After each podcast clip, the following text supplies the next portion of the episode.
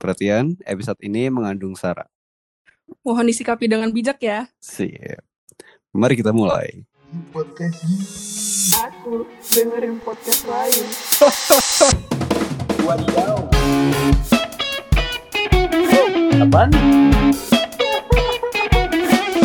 Ini podcast Anjay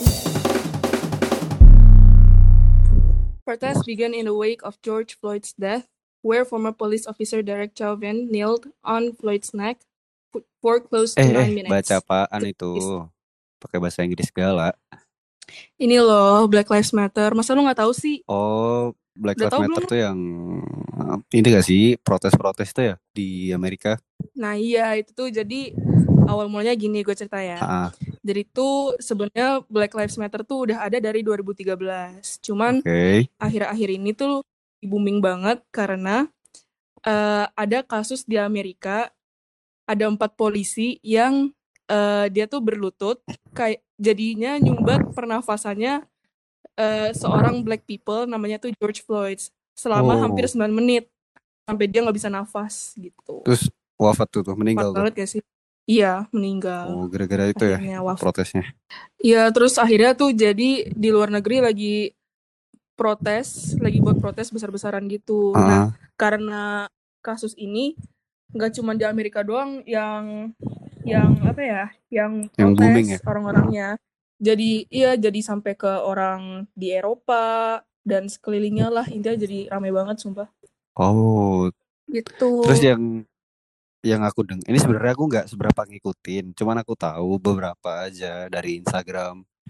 Itu ada kayak video Donald Trump katanya dia bilang kalau protes ini mengarah ke penjarahan, iya gak sih? Jadi kayak ada kerusak apa perusakan Masa sih? perusakan properti. Iya, perusakan properti. Jadi orang-orangnya anarkis gitu. Toko-tokonya dijarah gitu, dipecahin semua kaca-kacanya. Yang aku tahu malah kabarnya iPhone di apa digerebek kan. Nah, itu katanya Wow.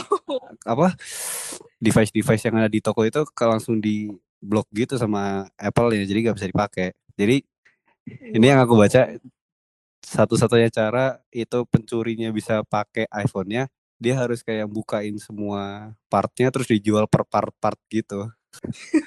Walaupun ya itu caranya dia tetap cari duit sih katanya gitu. Nah terus Jadi disalahgunain Iya. gitu ya Iya protesnya. makanya nah terus kan si Donald Trump tuh kan ngelihat oh ini jadi penjarahan. Jadi dia bilang dia bakal nurunin tentara gitu loh nggak salah National Guard-nya Amerika gitu buat ya buat ngondusifin situasinya. Eh malah ada video lagi di Instagram aku lihat itu protesternya tuh ngasih water gun gitu loh mainan air tembak-tembakan air ke National Guard-nya terus mereka mainan dong dibuat meme gitu dibuat TikTok anjir kocak kayak Aduh. itu sesuatu yang gak Tapi- bakal bisa terjadi di Indonesia kayak kalau di Indonesia dikepruk. Kayaknya sih. Tapi menurut lu eh pendapat lu tentang Donald Trump tuh kayak gimana? Donald Trump kalau dari Yap. awal sebelum kasus ini sih aku ngerasa Donald Trump hmm, tidak lebih baik daripada presiden sebelumnya gitu sih ya walaupun Ya, sama-sama buruk loh ya Mungkin kalau aku ngerasanya sama-sama buruk karena kita Hmm. dirugikan. Terus nah itu yang Donald Trump tadi itu aku pernah ngelihat The Simpsons kan. Ya walaupun gak semua. Itu Mm-mm. kayak kan ada yang karakternya mirip sama Donald Trump. Terus itu ada kayak ramalan. Kan kalau The Simpsons kan biasanya film-filmnya suka ngeramal masa depan yang kayak 9/11 terus Oh, gue gue pernah ngeliat tuh, tapi kayaknya emang itu Donald Trump deh, bukan mirip Oh itu emang Donald Trump. Emang Donald Oh, Trump. pantesan mirip. Ya udah. Nah, itu ceritanya kan yang apa sih lampu lampu White House-nya mati. Habis itu dia turun ke bunker. Terus kalau nggak salah di akhir-akhir episode-nya dia mati kan. Donald Trump-nya Yang di Donald peti. mati. Sebenarnya itu kayaknya banyak yang excited deh. Eh, Iya, iya, eh, jangan-jangan tahu ya, jangan-jangan. Waduh. Ya, tungguin aja tiba-tiba kalau beneran kan. Hmm, nggak tahu deh. Nggak komen aku. Hmm. Tapi gara-gara protes ini benar-benar jadi nyebar ke hampir di seluruh dunia sih. Jadi efeknya tuh sangat amat besar karena kasus wafatnya George Iya. Floyd ini.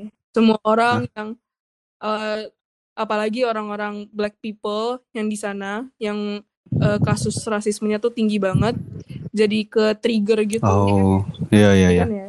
Nah, aku Iya. tahu berita terakhir soal BLM itu yang ini patung-patung Christopher Columbus di Amerika dijatuhin dong, dirobohin. yang yang wow. Itu kan Christopher Columbus kan yang nemuin Amerika kan. Nah, tapi dia kan Iya, ya. eh, yang mulai juga genocide ke suku-suku asli di Amerika gitu. Hmm. Makanya di sih? makanya banget. direbuin.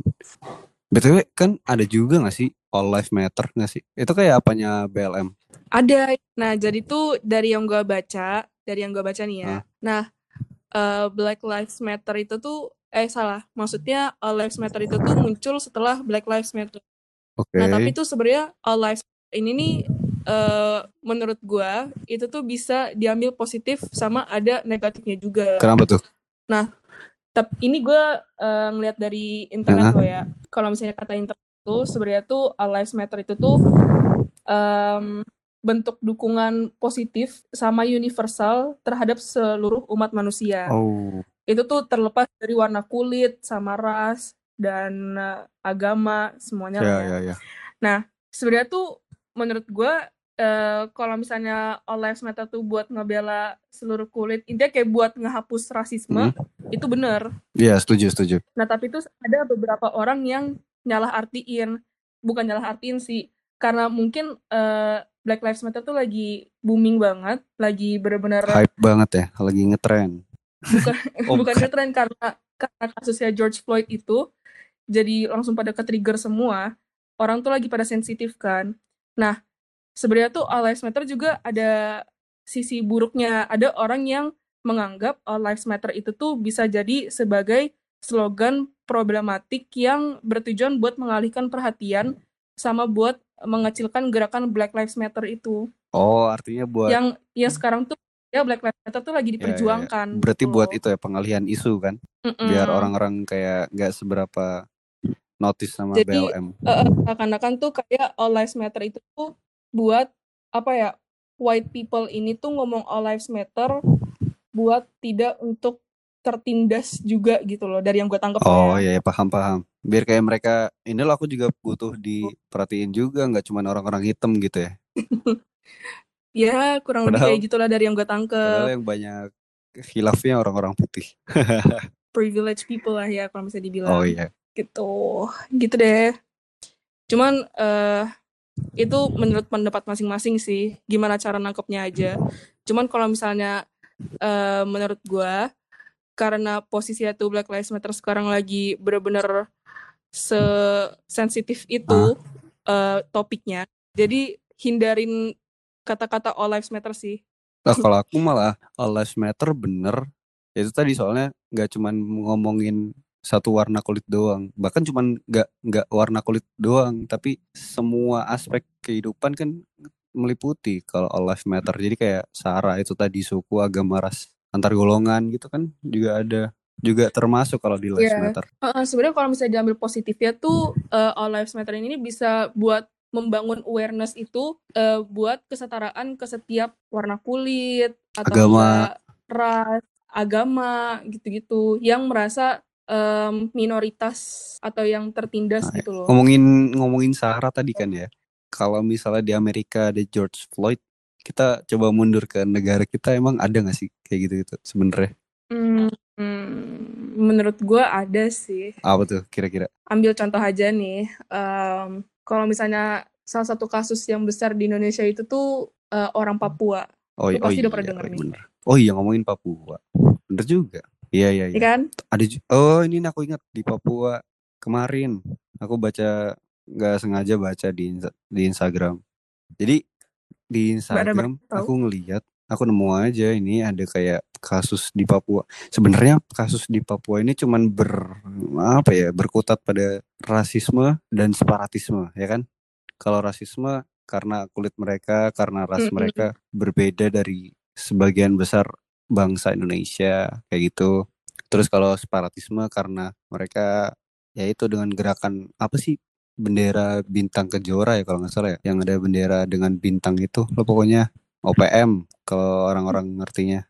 Nah itu ada kayak Yes. kasus ini press bem Uncen, Universitas Cendrawasih. Itu dia kayak ngelakukan sesuatu aksi, terus tiba-tiba dituntut sama pihak berwenang selama kalau nggak salah 10 tahun. Iya, gue sempat baca juga tuh. Jadi eh apa ya? Jadi si Presiden BEM Uncen ini namanya Ferry Ya, Combo Ferry ya. Combo. Nah ya, Ferry Combo. Nah dia tuh eh pengen bersuara, apalagi sekarang lagi booming banget soal Black Lives Nah, Matter. itu Nah kesempatannya pas banget kan. Nah iya, jadi dia tuh juga bersuara buat buat orang em, Papua. gerakan anti ini, Heeh. apalagi buat orang-orang Papua yang merasakan itu. Nah tapi dia malah ditangkap Karena dan kasus 10 itu tadi didakwa dengan Nah pasal iya, makar. Padahal iya. padahal dia cuman menunjukkan aksi anti rasisme doang buat orang-orang Papua kan, gitu. Itu menurut lu gimana tuh? Nah, Salah atau nah gimana? itu tadi kalau kalau kita ngobrol Papua nih, kita nggak bakal bisa terlepas dari dua dua apa ya, dua topik yang bisa diselewengkan sebenarnya, bisa disarukan antara keduanya. Dengan apa ya? Misalnya gini, misalnya yang ini nih kita ambil contoh yang Presbem ini, dia padahal niatnya buat naikin topik rasisme, lah kok malah sama polisinya dimanfaatin buat diambil kasus apa ya? Di dikriminalisasi ya nggak sih? Sebagai orang-orang yang eh, bergerak di jalan separatisme gitu. Ini btw dia nggak cuman sama dia nggak cuman sendirian si Ferry Combo ini dia punya apa ya semacam teman-teman gitu loh yang bergerak bareng. Ada enam rekan. Iya Oh ada iya, enam orang yang ditangkap juga sama polisi. Itu dari ah, nih ini aku ini aku baca ini enam lainnya itu ini ada ada yang orang orang Papua semua. Ini mana? yang pertama ada ketua BEM Oh, juga dari Universitas Sains dan Teknologi Jayapura. Namanya Alex Gobay. Terus ada lagi Hengki Hilapok, terus ada Irwanus Urop Mabin. Itu yang anak-anak mahasiswa ya. Nah, terus ada lagi yang kayak ketua-ketua Badan Legislatif Umum Liberation. Ah, apa sih ini? United Liberation Movement for West Papua tuh. Nah, ini ini yang bikin rancu kayaknya. United Liberation kenapa? Movement for Papua for West Papua. Itu kan liberation movement. Berarti kan pergerakan kemerdekaan. Nah, itu bau-baunya kan dia kayak separatisme gitu, Oh, pengen misah dari NKRI. Mungkin dari situ yang dia si polisi-polisinya buat ngambil wewenang buat nangkep gitu kali. tapi itu semuanya eh apa dituntut masuk penjaranya 10 tahun semua atau beda-beda? Beda-beda anjir. Ini aku baca si Ferry 10, Alex tadi 10, Hengki sama Irwanus 5. Nah, cuman yang ketua-ketua badan tadi itu dia belasan. Ini ada Bukhtar Tabuni 17 tahun. Waduh, Ketua KNPB, ini Komite Nasional Papua Barat, itu 15 tahun semua. tapi kalau menurut gua ya Hmm, gerakan yang mereka lakuin itu tuh nggak bisa disalahkan juga karena posisinya di Indonesia ini nih eh apa awareness buat rasisme anti itu. rasisme ya anti rasisnya ini nih kurang banget Iya benar, makanya. bahkan menurut gue nggak cuman orang-orang Papua doang yang merasa tertindas gitu loh. Jadi gerakan mereka menurut gue nggak bisa disalahkan juga karena posisinya mereka pengen membangun awareness ini tapi Malah malah di iya, disalah disalah artikan atau disalah gunakan eh bukan disalah disalah gunakan disalah tangkap gitu dan malah dijatuhi tuntutan itu penjara Nah, iya. Saya tunggu dulu. Mana sih aku lagi nyari ini loh, nyari infografis gitu di Instagram soal ini Papua. Nah, ini aku lihat di Instagram ada postingan dari Pinter Politik nih. Ada dia ngepost dua hari yang lalu soal BEM Universitas Indonesia bakal eh, ngobrolin soal isu Papua. Masalahnya, ini di sini tulisan eh, pihak kampus ditentang eh salah BEM UI ditentang oleh pihak kampus soal diskusi publik Papua gitu. Emang ya gimana ya? Bahkan orang-orang di luar Papua aja mau ngomongin Papua susah buat ngangkat buat bikin awareness ke masyarakat luas aja susah. gimana orang Papuanya langsung? Orang Papuanya langsung aja di, di dikriminalisasi di langsung dituntut terus masukin penjara. Nah ini BEM UI doang aja ditolak sama pihak kampusnya sendiri loh. Yang aku maksud tuh Papua sebegitu sensitifnya buat kita Indonesia. Bahkan kayak gitu. Nggak nggak jauh-jauh ke Amerika sebenarnya. Isu rasisme yang Hmm. katanya black people dan white people tuh bahkan di Indonesia juga ada dan susah buat dibahas kenapa ya kira-kira ya? Menurut gua ya karena eh, kalau dari yang gua lihat juga posisinya banyak yang eh yang merasakan hal yang sama itu tuh nggak banyak gitu loh. Mungkin banyak tapi maksudnya nggak sebanyak itu. contoh gimana tuh maksudnya gimana nih Ya contoh posisinya kita kan lagi di Jawa nih. Ya jadi dari yang kita lihat tuh juga nggak banyak kasus-kasusnya yang kayak gitu. Jadi kita kurang aware juga dan jatuhnya tuh jadi kayak karena kita gak ngeliat, gak merasakan. Jadi kayak kurang peduli juga gitu loh. Hmm, bener sih, iya. Paling Menurut lu kalau gimana? aku ingatnya itu yang di Surabaya, itu ya cuman ini yang asrama mahasiswa Papua yang di Pacar Keling, daerah Pacar Keling itu didatengin polisi langsung kayak kayak digerebek gitu terus mahasiswanya disuruh keluar terus di apa dikata-katain hewan gitulah. Alasannya kata berita sih karena bendera merah putih bendera Indonesia itu sempet jatuh di selokan. Katanya gitu. Oh, Gak tahu ini sengaja apa enggak kayaknya sih enggak kalau misalnya aku kalau se sepengalamanku ya orang-orang Papua tuh sebenarnya pengen loh eh, ikut gabung dalam NKRI sebenarnya. Namanya kan Irian sebenarnya Irian Jaya. Apa sih Irian Jaya kepanjangannya? Aku lupa oh ikut Republik Indonesia anti Netherland tuh aku ingat Iya, ikut Republik Iya. Indonesia anti Netherlands. kan waktu kemerdekaan namanya Papua itu kan Irian Jaya itu padahal orang-orang sana sebenarnya Hmm. pengen ikut ikut ini ikut ke Indonesia cuman perlakuan orang-orang luar aja kepada mereka yang kurang manusiawi Sama gue juga pernah ngeliat ini video kayak question and answer gitulah. ya Terus em, jadi ada cewek Papua, terus Ah, ah. dia tuh dapat pertanyaan-pertanyaan yang gue tuh gak sopan, gak sopan banget. oh iya sumpah Dan ini bahkan langsung ditanyain ke orangnya langsung gitu loh. kasih tahu dong apa Itu contohnya menurut gue bahasa bahasa yang dipakai contohnya, contohnya ini pertanyaannya itu kayak ini maaf banget kalau sensitif. Contohnya tuh kayak kakak binatang apa manusia? lah Itu kan gak anjir sopan ya. parah eh woi di, Pap- di Papua bernafas pakai apa? gitu. Atau enggak enggak ada lulur kah di Papua kok lututnya hitam sih? gitu. Itu orang-orang Atau- Indonesia sendiri yang nanya. Eh pertanyaannya pakai bahasa Indonesia sih? Harusnya orang Indonesia. Anjir parah Terus, sih gila. Eh, ada juga yang nanya, orang Papua tuh gampang marah padahal cuma dicoba doang.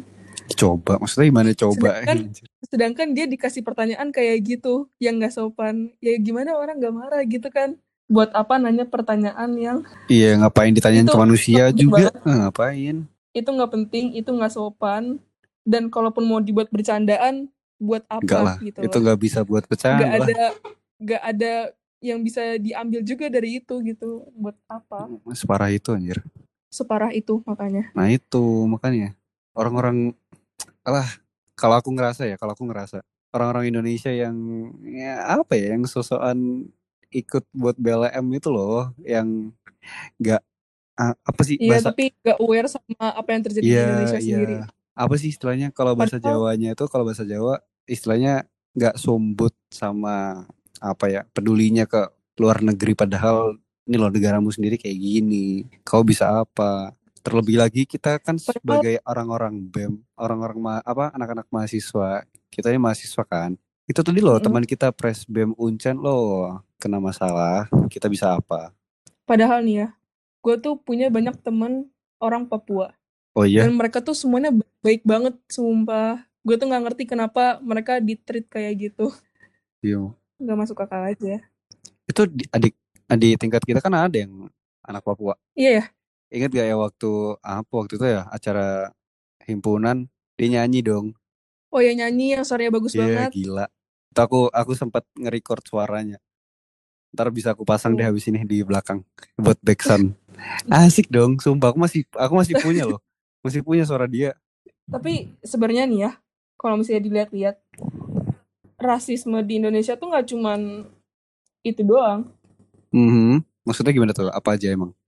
Ya, lu nggak lu nggak sadar atau enggak lu nggak nggak ngelihat sekeliling gitu. Oh, ini ini nebakin nih ceritanya. ya, coba Hmm, ya. coba kira-kira aja apa tuh? Ya kalau kalau aku sebagai orang Surabaya sendiri di Surabaya juga ada rasisme, tapi bukan sama orang Papua sih sebenarnya yang rame. Leb- Apa lebih tuh? ke lebih ke orang-orang yang gak bisa melek. Eh, aduh, Orang-orang yang orang-orang yang nggak bisa melek, apa ya bahasa Indonesia ya? Nggak bisa buka mata karena emang dia sipit. Tuh kan aku udah rasis anjir. sorry sorry sorry. Ya itu kalau di Surabaya eh, gap antara apa ya, jarak antara orang Jawa asli sama orang-orang Tionghoa itu agak jauh sih. Oh iya. Gimana? Lu Soalnya- yang orang orang Jawa banget nih. yang lebih. Aku iya makanya kalau aku ini sepengalamanku dari dari aku lahir sampai sekarang aku punya temen apa ya apa sih sebutannya yang enggak tidak sensitif tuh apa? Masa temen sipit? Enggak dong jangan dong. Temen ya Cina lah orang-orang keturunan Cina. Itu sebenarnya enggak enggak seberapa banyak sih. Jadi aku kayak enggak ngerasain langsung eh menjelekkan mereka kayak ya rasis ke mereka gitu loh. Soalnya emang jarang banget ketemu. Cuman ada satu dua Cuma dari Tapi- yang lu lihat biasanya di sekitar lu gimana?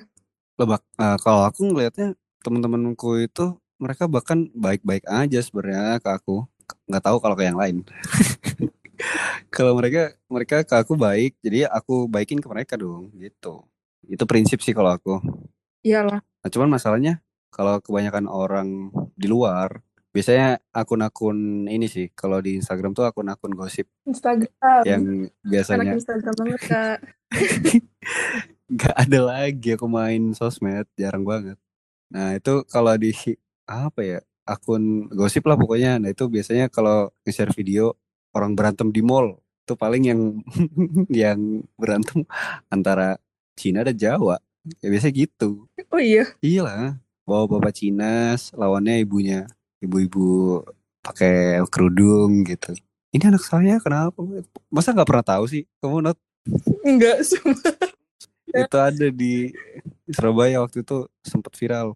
Kayak bapak-bapak Cina tuh marahin marahin anak eh marahin eh iya anak ya. Kalau nggak salah anak kecil gitu di diapain gitu di di perlakuin fisik sama bapak-bapak Cina. Terus orang tuanya marah dong. Lah orang tuanya orang orang tua orang tua Jawa Hmm. itu udah kayak Tionghoa lawan Jawa kan Lau, itu berasa kayak battle gitu. Iya. Ya banyak lah kayak gitu. Terus kalau misalnya kita main kalau kamu sadar di Surabaya ada kafe yang isinya cuma orang Cina doang. Di mana itu coba Gue cari. gue nggak nyadar sama sekali, cuy. Emang nggak ada. Beneran ada. Jadi satu kafe itu isinya orang orang Tionghoa semua, orang Jawa yang nggak ada. Kenapa? Dan kebalikannya pun ada. Kafe kebalikannya pun ada. Jadi isinya orang-orang Jawa, orang orang Cina nggak ada sama sekali, sama sekali. Sebegitu gapnya gitu loh mereka. Terus gue masih bingung kenapa bisa ada gap segitu gitu loh. Kayak itu karena apa? Kalau kalau aku ya, kalau menurutku ini bermula dari pribumi dan pendatang. Ya nggak sih Hmm. nyadar nggak sih? Hmm, hmm, hmm. Iya Lebih-. Kalau dulu itu ada kalau nggak salah ada kebijakan di eranya Soekarno kalau nggak salah ya. Itu ada Alibaba, ekonomi Alibaba, tahu nggak? Apa tuh? Wah nggak tahu. Gimana sih Nat? Ah, Jelasin aja. biar, orang tahu. Oke, aku sebenarnya ah kamu nih kau kok menyuruh aku menjelaskan sebenarnya tuh aku lupa. Cuman ya saya ingatku aja ya. Oh, Itu pelajaran IPS. SMP kelas berapa itu anjir. Jadi Alibaba itu kayak apa ya? Kalau nggak salah pen- penjual Cina, pedagang Cina sama pribumi itu tuh sama-sama dikasih kredit gitu loh. Ya kan awalnya pendatang Cina tuh datang ke Indonesia karena mereka pintar berdagang tuh. Heeh. Nah, pemerintah takut orang-orang pribumi yang AKA Jawa itu dia mereka takutnya kalah bersaing. Akhirnya dikasih kredit lah ini orang Alibaba apa? Kok Alibaba sih? Orang orang Jawa sama orang Cinanya tuh dikasih kredit. Eh ternyata si orang Jawanya kreditnya malah dibuat beli-beli dong. Ya apa ya stereotip orang Jawa. Duit banyak, harta juga menambah gitu. Beda sama orang Cina. Kalau orang Cina jiwa bisnisnya tetap jalan. Jadi kredit itu dari Alibaba buat bangun bisnisnya dong. Hmm. Nah dari situ turun temurun nih udah tujuh turunan. Anaknya lahir, bapaknya mati. Anak lahir, bapaknya mati gitulah. Nah Mm. sejalan sejalan itu dikasih lah stereotip-stereotip oh, orang Jawa tuh kayak gini, orang Cina tuh kayak gini. Eh salah, orang Tiongkok. Nah terus kondisinya gini sekarang. Orang Tiongkok yang tadi jiwa bisnisnya gede, semangat kerjanya tinggi, sukses sekarang dia punya apa ya? Kalau di Surabaya Sampurna, rokok tuh. Apalagi ya? Hmm. Apalagi ya? PCA kali. Bang, PCA. Terus apa lagi ya? Tapi kalau menurut gue gak ada gunanya juga sih buat ngerasisin mereka. Hanya karena Loh, tunggu dulu. Ini Eh. belum selesai ceritanya. Ada. oh iya, iya lanjut. Ada. Nah, ini kan gara-gara orang Tiongkok sukses nih. Ini orang-orang Jawa yang tadinya dapat duit terus dihabisin, dapat duit dihabisin, iri dong. Dih, orang Mm-mm. itu duitnya banyak, sukses tuh, anjir. Aku kayak gini-gini terus, melarat gitu. Akhirnya memang tuh orang pendatang sukanya apa ya? Si apa ya kata-katanya? Oh, itu Emang orang pendatang. gitu beneran? Kenapa? Emang mereka ngomong gitu beneran? Loh kan aku orang Jawa nih. oh iya. Nah, iya. aku diajarinnya gimana? Orang-orang Jawa dong. Jadi orang-orang orang-orang Jawa nih bilang ke orang Cina, eh orang Tiongkok kayak gini. Dasar orang-orang Tiongkok gitu udah pendatang, ngerebut rezeki lagi. Nah gitu, akhirnya iri, akhirnya gap-gapan terus dijelek-jelekin. Masuk gak tuh? Itu sejarahnya kalau di Surabaya. Ta- kayak tadi yang gue bilang, menurut gue kayak nggak ada nggak ada gunanya juga sih, nggak ada untungnya juga buat eh ngerasisin mereka atau ya jatuhnya kayak dendam gitu. Iya. Eh, eh, cuman karena kesalahan yang udah lama banget terjadi, yang kayak udah dari zaman kapan itu. Dan itu bahkan hitungannya ya kesalahan ya diri Orang- sendiri kan. juga kan. Heeh, Nah, makanya iya. kayak Masalahnya, ini masalah kedua nih. apa tuh? apa ya sifat orang Jawa tuh kayak ah bodo amat lah aku kenapa yang penting tuh orang semuanya suka ngomongin orang lah makanya kalau di kampung-kampung ibu-ibu pas masak lam eh pas masak pas jualan eh pas jualan pas beli sayuran ya kan mesti lama Hah? tuh ngehibahnya ya gitulah Kan biasanya orang-orang Jawa kayak gitu tapi nggak kebanyakan Jualan sayuran. beberapa maksudnya beli pas beli ke tukang sayur terus ketemu ibu-ibu lainnya kan banyak ngobrolnya Oh iya, iya. gitu paham, paham. makanya banyak juga di Instagram akun gosip Hmm, ya gimana ya? Ya sikap sikap aslinya sebuah suku sih sebenarnya. Kalau mau diubah ya agak susah agak berat. Bisa tapi agak berat.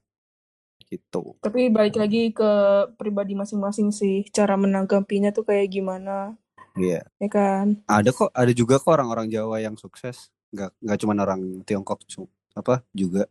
Eh nggak cuman orang Tiongkok aja. Ya, misalnya Jokowi eh Ya. itu kan orang sukses tuh bukan presiden tapi pengusaha kayu. Tahu nggak? Apaan? ya itu Pak Jokowi pengusaha kayu. Loh kok nggak tahu gimana sih? Itu anak-anaknya juga bisnis jualan pisang. Iya.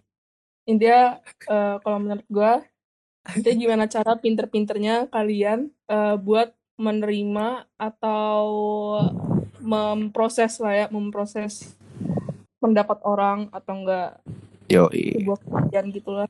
Eh disclaimer tadi kalau yang aku cerita yang soal Tiongkok dan Jawa ada yang sakit hati DM aja langsung broadman underscore. Kita diskusi ntar di DM. Ya itu intinya pinter-pinter kalian aja cara memproses dan mengelola pendapat orang-orang atau enggak kayak apa kata orang-orang gitulah. Iya. Berita-berita juga jangan semua muanya tuh apa yang kalian lihat atau enggak apa yang kalian dengar langsung diterima gitu aja. Intinya kalian harus em, apa ya? Harus Ayo lanjutkan. Ini udah apa? ini udah Andini mode bijak. Lanjutkan saja. Aku tidak akan merusak. harus pinter lah pinter-pinter sendiri udah gitu aja menurut gue Bro, ada yang mau ditambahi? Oh iya, ada dong. Apa ya? Aku belum nyusun kata-kata sebenarnya. Cuman ini aku pengen ngobrol ngomongin ini aja. Ini sebagai aku sendiri ya, yang tidak ikut BLM. Maksudnya bukan nggak ikut BLM, yang nggak seberapa hype banget sama BLM atau dengan kasus rasisme yang lain. Alasan aku nggak ikut karena karena emang mereka tidak bermasalah dengan aku dan aku tidak bermasalah dengan mereka sehingga tidak ada yang perlu dipermasalahkan di sini begitu. Nah, Mas, cuman yang yang jadi masalah adalah kalau ada orang yang sosokan ngerti, terus tiba-tiba asal ikut aja BLM, terus ngepost apa kemarin ya? Oh ini hashtag hashtag BLM yang dipanjangin hashtag Black Lives Matter, terus dikasih foto hitam doang. Ini salah nih. Ini orang-orang kayak gini salah. Gak cuma orang Indonesia ya, tapi seluruh dunia juga melakukan kesalahan ini. Jadi sebenarnya hashtag BLM yang Black Lives Matter yang panjang itu digunain buat ngumpulin info-info buat police brutality gitulah istilahnya kebrutalan polisi. Masalahnya sama mm, siapa ya yang mulai? Aku nggak ngerti siapa yang mulai. Cuman tiba-tiba aja hashtag ini kalau dipencet kan muncul tuh banyak post-postnya dari recent sama top kan. Itu isinya Hmm. hitam-hitam semua. Terus ada baru muncul di scroll agak jauh ada foto satu polisi brutal gitu. Terus tapi di sekitarnya hitam semua. Ini yang salah. Orang-orang yang kayak gini sebenarnya yang kurang apa ya? Aduh, kurang baca sebenarnya. Ikut aja deh hashtag biru itu ikut aja. Kalau kalau ini gue baru tahu nih, baru tahu banget Oh iya, yang masalah ya yang posan black itu apa yang hitam total. Terus ternyata hashtag Black Lives Matter-nya itu tuh sebenarnya sebenarnya buat info. ya jangan jangan dipakai buat posan itu. Aku ngeliat ada kayak selebgram gitu lah. Itu dia ngepost kayak gitu, komennya langsung negatif komen semua dong. Jangan sosokan ikut inian. Hapus dong itu apa hashtagnya. Seharusnya ini dibuat bantuin apa ya? eh protestor lah, ah, protes. Bukan protestor. Orang-orang yang pegiat-pegiat inilah, pegiat rasisme tadi itu buat sebagai bukti gitu. Akhirnya orang-orang beberapa ada yang ganti solusinya adalah ganti hashtag dengan black kalau nggak salah hashtag blackout Tuesday gitu. Oh iya iya bener Ya tuh. kan? Nah, Kalau yang itu gitu. gue tahu. heeh. itu akhirnya banyak yang hitam Iya. di situ. Akhirnya Black Lives Matter-nya bersih lagi. Tapi nggak tahu kalau sekarang belum cek. Kalau kalau menurut gua, kalau pesan dari gua itu kalian gak apa-apa kalau misalnya pengen nge-support Black Lives Matter apa pun yang terjadi di luar ya kan. Nah, cuman eh dengan kalian nge-support Black Lives Matter itu kalian tuh juga harus aware sama apa yang terjadi di Indonesia sendiri. Ah iya bener juga. Jangan cuman nge-support apa yang terjadi di luar, tapi di Indonesia aja tuh kalian gak peduli Ya ya. bahkan banyak banget eh, kayak yang tadi udah diceritain kan kasus-kasus rasisme yang ada di Indonesia tuh ternyata Banyak. eh, iya banyak dan gak sedikit orang yang merasakan gitu jadi kalian tuh harus lebih aware dan ya tahu gitu kan kalau misalnya Black Lives Matter tuh sekarang lagi booming banget.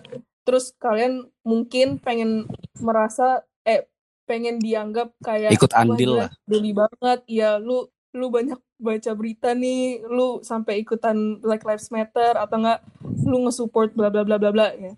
Tapi kalian bahkan gak tahu yang terjadi di Indonesia sendiri. Itu menurut gua juga salah. Ya. itu artinya kalian entah pengen cuman ikut-ikutan doang atau gimana gak tahu Itu sebenarnya sebenarnya bukan banyak yang nggak tahu ya soal orang Indonesia eh, tentang rasisme itu. Sebenarnya mereka tahu, cuman karena sering banget, sering banget melakukan rasisme saya sehingga lelucon mereka, guyonan mereka pun jadi rasis. Dan karena itu dilakukan terus-menerus setiap hari ke orang yang ya yang itu yang di target yang ditujukan buat rasisme. Akhirnya mereka kayak alah ini lo cuman guyonan. Ini lo nggak apa sih itu, itu bercanda doang lo gitu. Padahal dalam hati misalnya dalam hati targetnya dia kayak ngerasa hmm saya down sekali nih gara-gara anda berbicara seperti itu gitu kan siapa tahu ada Hmm. dendam nah itu yang yang berbahaya yang itu rasis tuh nggak keren sama sekali dan yoi Iya, yang keren itu nggak nggak keren sama sekali. Sumpah, dengan lu ngerasisin seseorang, itu tuh nggak buat lu keren. Jadi jangan sesekali bahkan lu bercandain orang cuman karena warna kulit atau ras mereka atau agama karena buat apa? Itu iya. Kan kita berteman dengan banyak orang kan juga asik nih. Kayak tapi apa nih? Apa? Ya udah aku. Kayak Hmm. kalau di Islam nih kayak Nabi kita Rasul kita kan di Madinah dulu anjay aku sobat gurun anjir kalau di Madinah dulu kan orang-orangnya nggak isinya nggak rakyat rakyat Madinah tuh nggak cuman rakyat Muslim doang. Yahudi ada Kristen ada yang nggak beragama ada yang bikin no honor apa honor juga ada. Gitu. Kan yang penting kita bisa hidup berdampingan aman daman aman damai tentram sejahtera. Enak. Udah kayak tujuan negara Tuj- dia tujuan negara yang Eh. enggak tersampaikan eh tidak tercapai belum belum belum intinya kalian harus mengetrit memperlakukan orang-orang dengan adil eh, dengan baik lah ya Yoi. gitu. Jangan cuman karena sekumpulan orang gak suka dengan sekumpulan ras atau agama atau warna kulit, terus kalian jadi ikutan. Itu tuh gerakan yang salah, iya teman-teman. Al, Udah? ada yang ingin ditambahi? itu tadi kan aku tambahan not udahan Nah iya, tapi eh, episode ini nih itu semua berdasarkan pendapat dan dari hasil yang kita baca ya teman-teman. Yoi, ntar kita kasih aja Ya. lah link-link berita yang kita bacain Heeh. Jadi kalau kalian ada tanggapan atau kalian setuju atau enggaknya, eh, bisa banget langsung chat ke BMFTK. ya di atau- line bisa di OA line bisa eh, iya, komen bisa. di Instagram bisa DM BMFTK bisa DM aku Broadman underscore bisa DM di not apa Andi Nihar. nah itu ntar hati-hati not rame abis ini Instagrammu Waduh.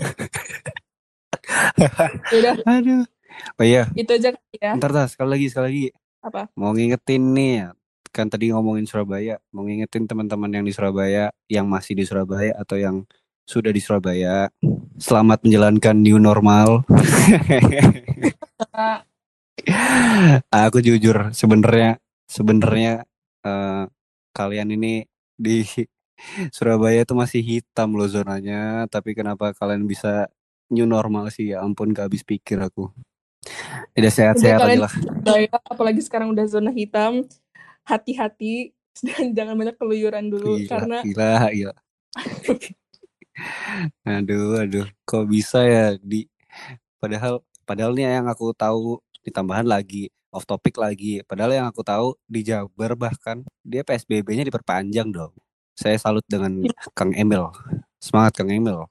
Nih kalau saya gubernur Hof itu nggak tau lah udah gitu doang tambahannya selamat menjalankan Ya. new normal buat orang-orang Surabaya ya udah itu aja dulu kali ya. mau siapa dulu not apalagi not Udah itu aja. Udah. Oke, beneran nih udah kita putus nih. Maksudnya kita selesaikan nih episode Ya diselesaikan terlebih dahulu. ya udah. Gua Dini. Aku bro. Kok kok Dini ulang? Oh iya, lupa. Oke. Oke. Sekian dulu ya, teman-teman. Gua Dinot. Aku bro. Ketemu lagi dengan kita di episode selanjutnya. Bye-bye. Assalamualaikum, selamat pagi teman-teman. Dah.